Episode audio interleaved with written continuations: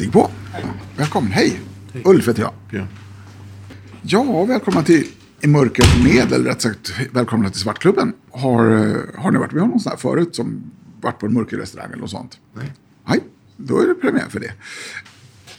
Då Björn, då ska vi ta och gå inåt.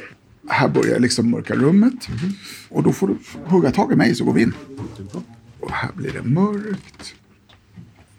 Och... ehm, hur går det? Det går bra. Det går bra. Ja, Strålande. Du får säga om det är någonting som jag behöver tänka på. Nej, det finns inget du behöver tänka på just nu. Utan vi helt enkelt vandrar in och letar på en stol där du ska sitta. Och det du ska tänka på om en stund, det är ju hur, så att du pratar in i micken sen hela tiden. Ja, det blir svårt om man inte ser den. Ja, jag vet, jag vet, jag vet.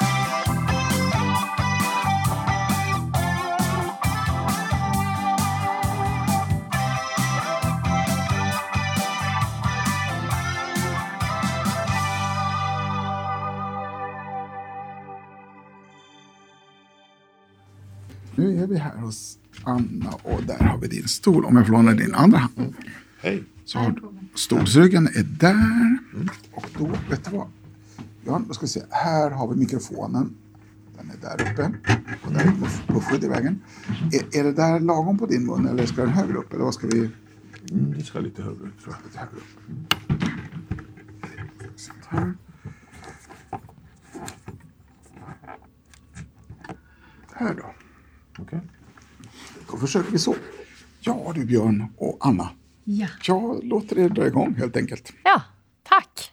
Hej Björn! Hej. hjärtligt välkommen till I mörkret med. Mm, tack. Hur känns det? Det känns eh, annorlunda, men bra. Eh, Eftersom ingen ser oss här inne i mörkret och inte heller när man lyssnar så tänker jag faktiskt att du ska få börja syntolka dig själv. Beskriva hur du ser ut. Jag är en äldre gubbe. Det vill säga 59 år man, eh, 1,94 eh, lång. Eh, har en eh, rund mage. Eh, men inte sån jättetjock. Eh, men eh, eh, ja, vad kan man säga annat? Ja. Hårfärg. Och hårfärg, det där tänker jag inte på. Nej, men Ja. någon sa till mig att jag har en sån eh, ja, ljusbrun hårfärg. Ja. Eh, tre dagars skägg ja, ja, ja, just det. Mm. Då har vi något sån här en bild. och, en och blå ögon om Ja. man vill prata om det. Just det. Mm.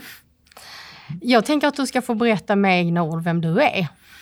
Ja, jag ehm, heter Björn och eh, kommer, eh, född och uppvuxen och kommer från Island. Ehm, där jag eh, gjorde min utbildning. Jag som läkare AT och sen flyttade jag till Göteborg för några år sedan och gjorde färdig min specialistutbildning som ortoped och sen regkirurg och sen forskade jag och jobbade där. Flyttade till Island, flyttade tillbaka till eh, Stockholm för eh, snart åtta år sedan och eh, jobbade inom privat verksamhet men för fyra och ett halvt år sedan började jag som sjukhusdirektör på Karolinska Universitetssjukhuset. Det är ungefär vad jag är nu. Hur kommer det sig att du eh, valde att tacka ja till att komma hit och gästa oss i mörkret? Men jag tyckte det var intressant. Jag tyckte det var roligt att träffa dig när jag träffades här för ett, några månader sedan. Och um, tyckte det var var nyfiken på att eh, se vad, vad är annorlunda, vad, hur känns det, liksom hur, uh, vad är men jag har medverkat i ett antal poddar och jag tycker att uh, oftast uh, att det är lite roligt. Det är ett, ett form när man kan eh, ägna mer tid åt frågor än man gör i vanliga intervjuer. Eh, och eh, få lite mer tid att förklara sig sen. Så att det, här formatet verkar vara ja, det vill säga, utmanande men även annorlunda och då är jag alltid beredd att testa det. Mm. Ja, men vad kul, vi är jätteglada för det. Ehm, och vi ska ju prata såklart en, en hel del både om det men också väldigt mycket om din roll då som eh, sjukhusdirektör för eh, Karolinskas universitetssjukhus här i Stockholm. Okay. Eh, nu när vi sitter här i mörkret, eh, är du mörkrädd för något, Björn? Mm, nej, det kan jag inte säga. Nej. Har du aldrig varit? Inte som jag kommer ihåg. Jag har säkert varit mörkrädd i vissa perioder när jag var yngre. Nej, men nej, jag tycker inte jag nej. är mörkrädd. Nej. Och jag tänker, jag ska inte fråga dig än hur det känns att sitta här, utan det tar vi när vi har suttit här en stund. Mm. Men du berättade ju att du eh, kommer från Island från början, eh, yep. född 1964. Kan du berätta något om din uppväxt på Island?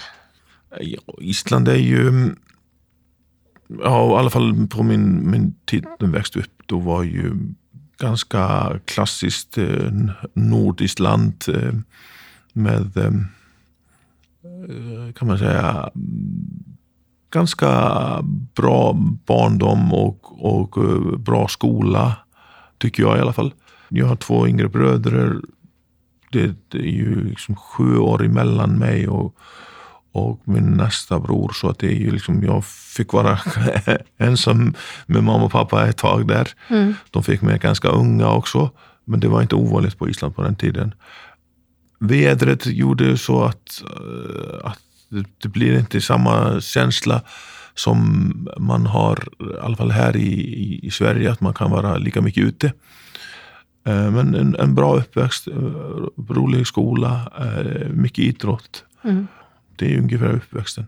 Men du sa att man kan inte vara lika mycket ute där. Alltså är, det, är det på grund av vädret? Ja, oftast ja. är det på grund av vädret. Det är ja. liksom, den här blandningen av eh, blåst och regn och snö och, och sol som kommer inom sex timmars eh, period. Liksom. Ah. och, och, och, kan vara lite tråkigt ibland. Liksom. Kan vara, det, låter, det låter inte jättekul. Nej, men mm. man tänkte inte så mycket på det på den tiden liksom, när man bara bodde där. Det var ju någon som sa liksom, ja, på Island då är det färdigpratat om vädret, det är som det är. Okej. Okay. Jag tycker att eh, det låter lite som Skåneväder. Kanske inte så mycket snö dock, men blåst och regn och, och så. No, jag mm. tror att man... Det, jag tror inte det är kanske riktigt, riktigt så. För när vi pratar om blåst, mm. då är det riktigt blåst. Okay. Mm. Jag, jag, jag kommer alltid ihåg när jag flyttade till Göteborg och då pratade de om att det blåser väldigt mycket här. Och, sånt. och jag cyklade till jobbet fram och tillbaka varenda dag jag bodde där. Jag tyckte aldrig det blåste Nej, okay. någonting överhuvudtaget. Lite olika syn på det helt enkelt. Ja, ja. Men när du tänker tillbaks på din barndom, eh, alltså kan du förstå idag att du är sjukhusdirektör för det bästa sjukhuset i Europa just nu? Uh, nej, nej, det tänkte man inte på. Jag har eh, liksom Nej, nej, ambitionerna var lite svårt att sätta när man var yngre och, och det tog ett tag innan jag bestämde mig att egentligen satsa för att bli läkare. Och sen när man sen blir läkare och, och höll på med liksom att vara läkare bara Eh, då tyckte man att eh, cheferna var det värsta som fanns egentligen. De var ju totala idioter för en stor del. Och gjorde fel hela tiden. Ja, du tyckte och, ja. och det var ganska vanligt, liksom, det snacket som gick runt. Liksom, och, då, och då var egentligen det som jag började tänka, okej, okay, är det inte dags att göra någonting åt det? Liksom? Ska mm. man inte bara sätta sig, ja, man får man kan bara inte bara ha åsikter, man får göra någonting åt det. Och det var på det sättet jag började att, eh, jag säger inte söka, eh, att bli, eh, söka chefstjänster, jag blev ombedd att ta, ta dem. Så ja. alltså på grund av att du var trött på dåliga chefer själv? Nej, jag var ju också förmodligen någon typ av ledarskap som jag har visat. Jag, menar, jag har varit Eh, kan man säga, en naturlig ledare både i, i skolan, inom eh, liksom, den sociala delen inom skolan, skolsamhället. och sen eh, när jag spelade basket så var jag också en, en viss, både informell men även sen kapten de senaste två åren jag spelade där. Mm. Ja, du har spelat i, på elitnivå, i ja, landslaget för Island va? Ja, jag spelade i mm. juniorlandslaget på Island. Mm. Även spelat mot mm. Sverige. Mm. så att jag, jag, jag spelade på elitnivå um, under gymnasietiden och sen under universitetstiden. Så jag har, för mitt lag spelar jag 270 matcher på elitnivå om jag kommer ihåg rätt. Men det, det, det var ett tag sedan. Mm. För att när man började sen sitt AT efter skolan så var det så att man gick uh, jour var tredje dygn. Då var det liksom omöjligt att hålla på med idrott på det sättet, på samma mm. sätt. Mm. Eh, men när bestämde du dig för att du skulle bli läkare? Ja, det, den, jag tror att jag vet precis vilken dag det var. 26 eh, december 1984. Aha, på dagen med? Jo, men Vad det var så. Då? nej, det, ja. nej, det var så här att eh, eh på Island vid den tiden så, skulle, så kunde alla eh, skriva sig in eh, på läkarlinjen och göra första året.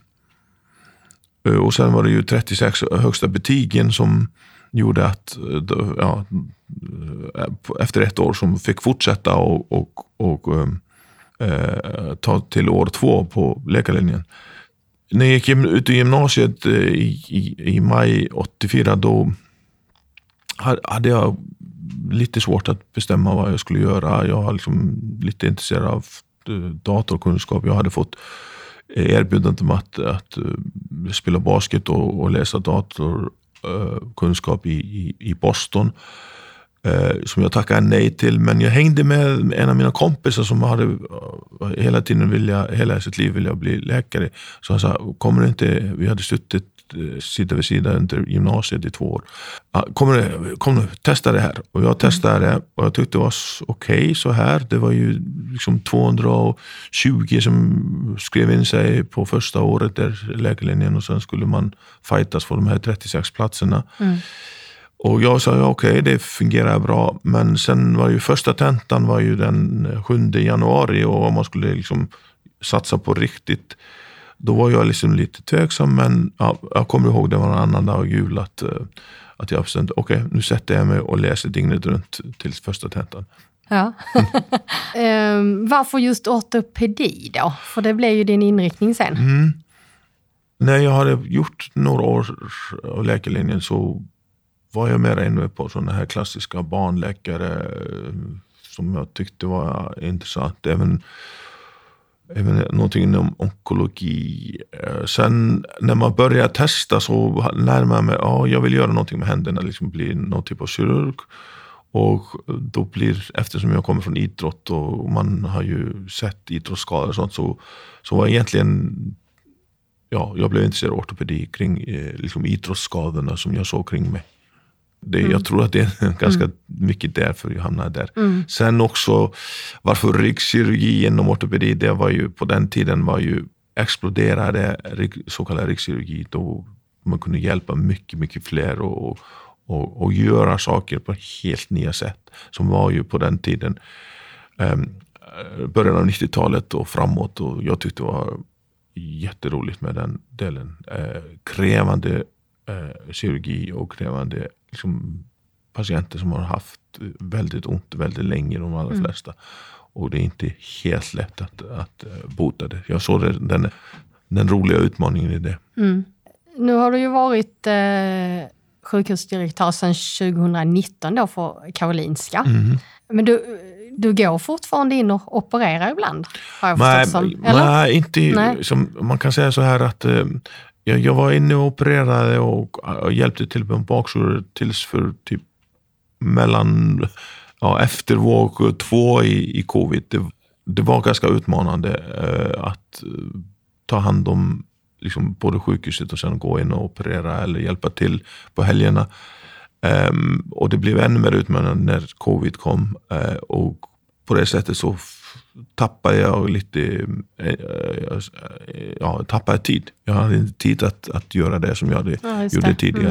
Mm. Mm. Så att nu har jag, liksom, jag säger inte lagt av, men i alla fall pausat det så att vi får se vad händer i framtiden om jag om jag uh, går in och hjälper till. Men då måste jag nog liksom, också få hjälp med att träna upp mig. För att nu när man har varit ja, från, ja, från ja. den delen under viss tid så har ju, ja, man har kunskapen men man med fingerträningen måste ju alltid också få, få lite hjälp. Mm. Eh, vi gör så nu att vi ska släppa in Ulf lite så vi ska få något eh, att testa och äta. Det är bara något litet Mm. och lite dricka. Och sen tänker jag att vi ska komma in och prata lite mer om din roll då som sjukhusdirektör och hur det har sett ut och sådär. Okej. Ja, så nu... Du har att eh, du, det byggs här ute också va? Ja, Ja. ja, ja. jag undrar vad det var. En stor Så- grävmaskin, var det inte det? Ja. SÖS som bygger ut. Ja, ja, de håller ju på. Där fick du, Anna. Du vet, um, Ulf är ju rätt så sjukhusrädd. Oj. Låter, Ja. låter som min pappa. Ja. Här får du ett glas. Men då hade du haft nära i alla fall, Ulf. Om de hade byggt ut här. Ja. Sen ska du få en liten skål. Ja, du fick en öppnare där. Ja, du hittade den där direkt. Ställer en liten skål här bredvid dig också som du ska Och nu ska jag säga där och jag tar öppnaren där från dig. Så. Du hällde upp där med en gång. Ja, Ingen tvekan. nej, varför? Nej. Varför? Varför skulle jag tveka? Det, det är många som gör det kan jag säga, eller hur Ulf? Ja, så är det. Det, det, det är definitivt så att en del får bekymmer, men i grunden, precis som du gjorde, det är ju inga bekymmer egentligen. Det är ju bara att ta flaskan till glaset och se till att, att man häller i glaset. Ja, Sen är det bara att köra. Ja. Och sen eh, är det rätt stora glas. Jag vet inte om du kände det innan, Jo, Björn? ja, ja, men jag tänkte inte på det. Nej. Jag gillar stora glasen. Nej, men jag tänker då, det är inte lika stor risk att det liksom rinner över och så. Nu har du något litet ätbart där. Eh, och ska vi se om du, om du kan gissa vad det är för någonting. Innan jag smakar?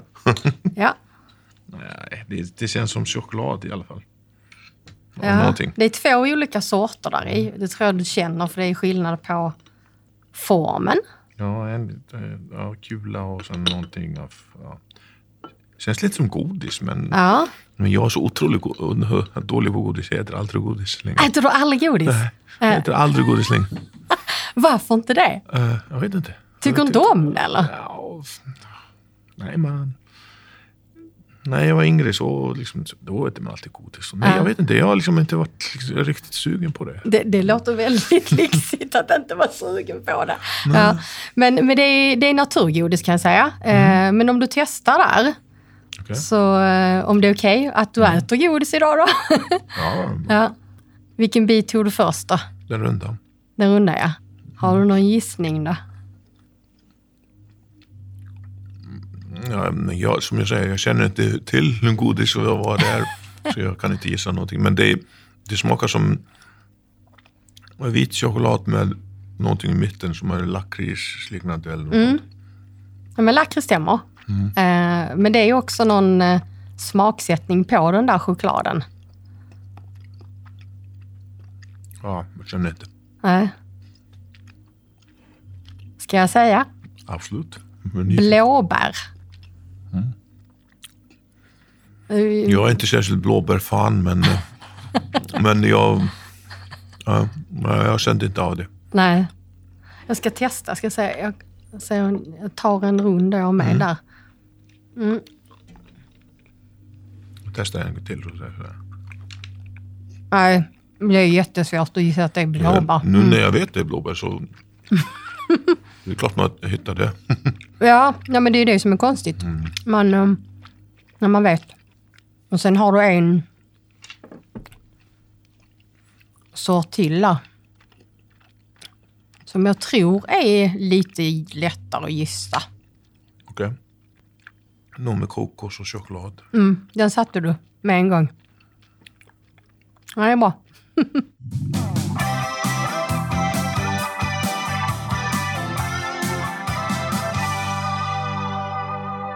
Du lyssnar på I mörkret med som görs i samarbete mellan den mörklagda restaurangen Svartklubben i Stockholm och communityn Unique Power. Unique Power arbetar för ett samhälle där funktionsmångfald är en självklarhet och där allas kompetenser och perspektiv tas tillvara på och ses som en tillgång. Unique Power kan hjälpa dig som företag eller organisation med rätt kompetens inom inkludering och funktionsnedsättning och erbjuder allt från utbildningar, föreläsningar till tillgänglighetsanalyser, rådgivning och användartester. Läs mer på uniquepower.se.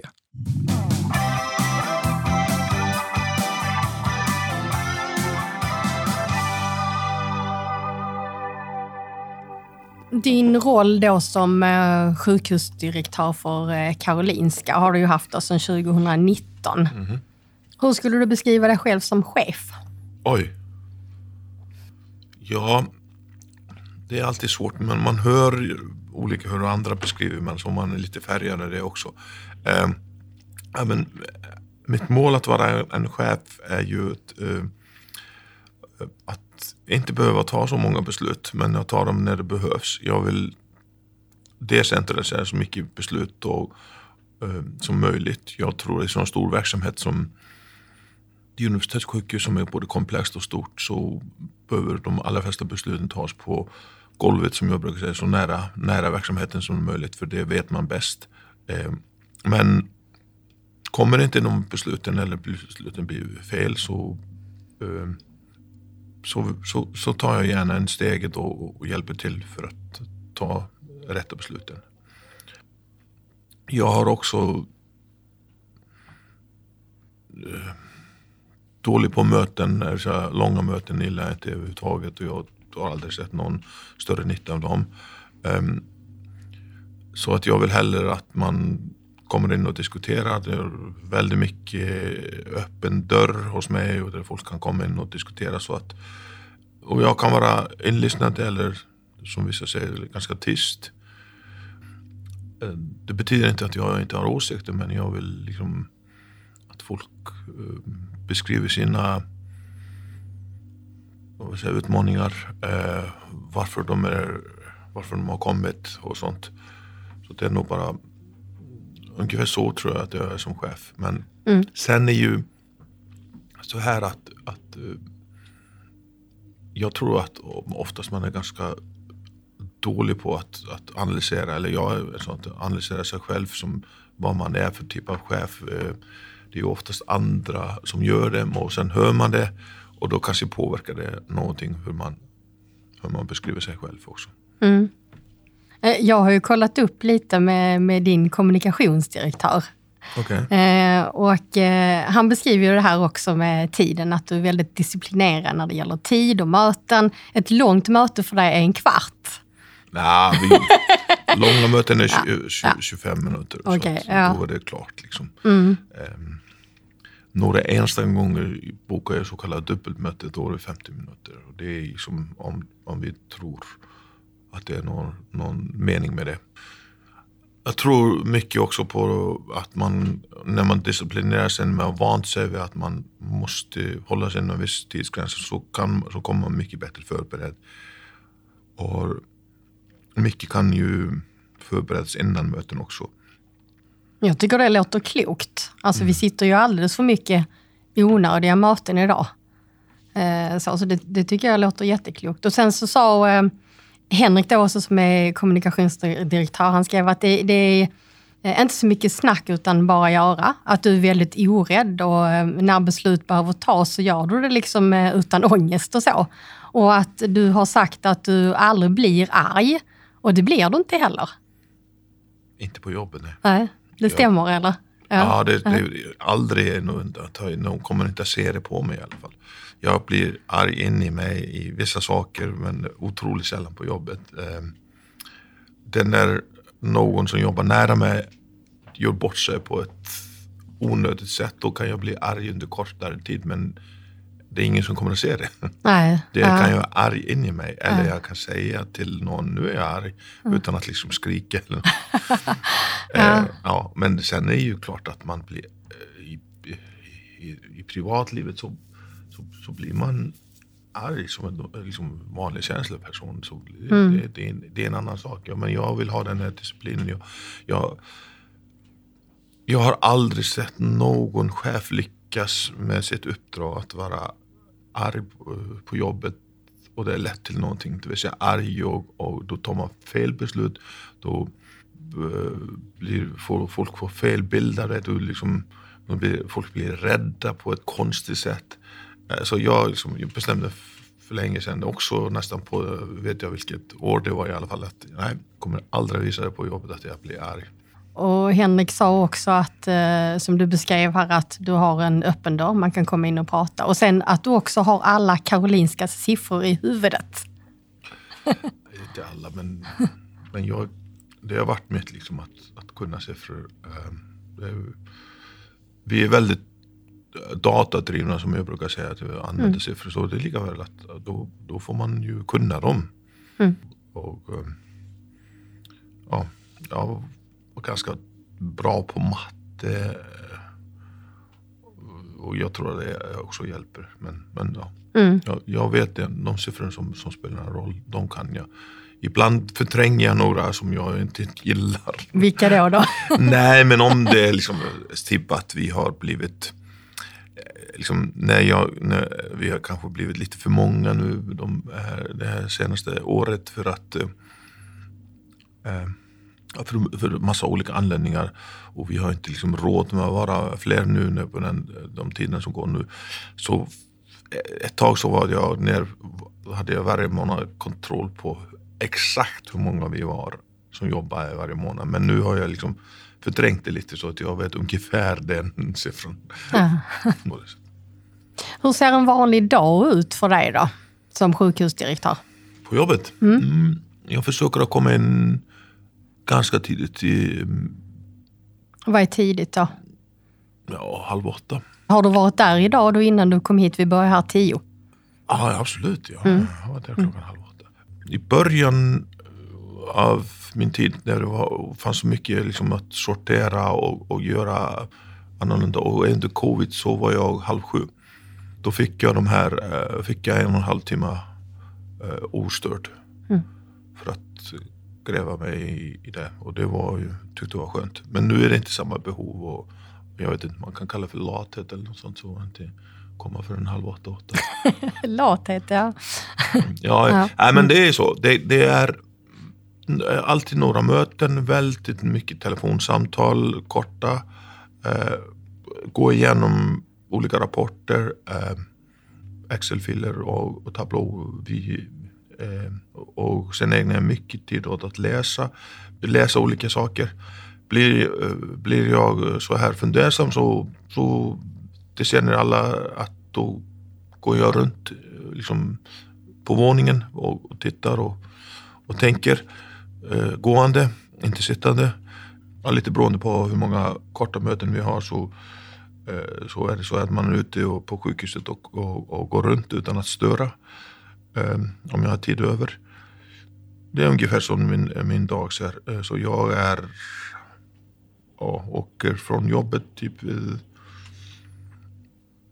ja, tidigast halv sex, sex något sånt. Mm. Men hur mycket är du då ute, alltså jag tänker på avdelningar och möter patienter och personal? Mm. Ja, inte patienter, men personal möter jag eh, liksom på olika sätt. Eh, eh, jag går inte så mycket in på avdelningarna och stör men om folk vill att jag kommer och hälsar på så, så händer det rätt så fort. Då, då hittar jag tid för att träffa dem och, och lyssna. Men jag är väldigt mån om att när jag kommer på sådana besök att man inte liksom ger vakt eller något sånt och, och att man stör det här vanliga arbetet eh, som pågår hela tiden. Eh, så ibland så bara dyker jag upp typ på akuten och går runt och, och kollar läget eh, bara för att få en känsla för hur det är. Och ibland är det diskussion med, med, sån, med personal. Men sen har jag också så ofta sådana stora öppna personalmöten där folk kan komma både och, och, och lyssna men även fråga om du vill. Och sen har vi, är det så att varje varje vecka, liksom på fredag klockan ett, då går det ut ett kort brev eh, från mig till alla anställda med informationspunkter och, och, och lägesbild. Men, men jag tänker ändå på det där att eh, du säger att du inte vill störa och sådär. Eh, alltså jag som då har varit patient länge och sådär. Jag skulle ändå känna att ah, men det är väl bra om du är inne på avdelningen eh, och kollar av ibland och, och möter patienterna. Mm. Möter du aldrig patienterna då?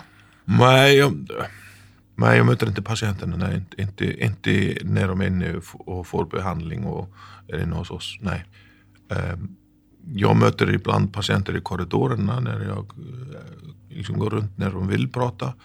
Eh, jag möter eh, patienter, representanter eh, under kontrollerade former också. Men inte när de är som sjukgäster så sjuka att de behöver ligga inne på sjukhus. Då tycker jag att det är mm, ja, jag, jag, jag, jag tror inte det ger patienterna in, någonting att precis då liksom, träffa dem. Men kan det inte ge dig någonting då? Nej, jag tror inte det. Jag tror att de är så pass, när man behöver ligga inne på sjukhus idag så är man så pass sjuk att man, eh, att man eh, de här enstaka patientberättelserna kommer inte hjälpa precis då. Men som jag säger efteråt. Eh, Ja, för du sa i, i kontrollerade former möter Ja, patienterna. Hur ser det ut då? Ja, men det är lite olika. Det kan vara pa- patientföreningar eller patientföreträdare som vi har på sjukhusen som vill träffas och vill diskutera olika saker. Det är liksom det som jag kallar för kontrollerade former.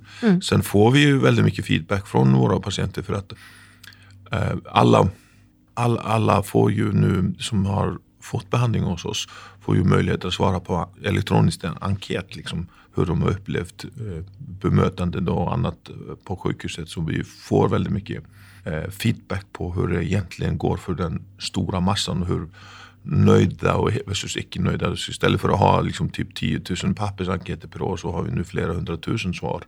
Eh, Vad svarar de då, patienterna? Hur nöjda är de? Jo, men eh, de är, jag säger så här, de är väldigt nöjda. Eh, mm, man kan gå in på vår hemsida och se hur de svarar. Vi är öppna med det.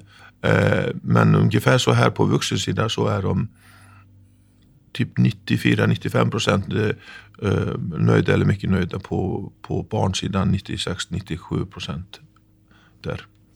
Eh, när jag, när jag googlade dig och satt och läste på så här, då, då kan man ju säga lite att du har nästan fått någon form av hjältestatus. Att du var den som kom in och räddade Karolinska sjukhuset, Nya Karolinska, allt som har hänt där och så. Och, eh, nu är ju eh, Eh, Karolinskas universitetssjukhus det sjätte bästa i världen.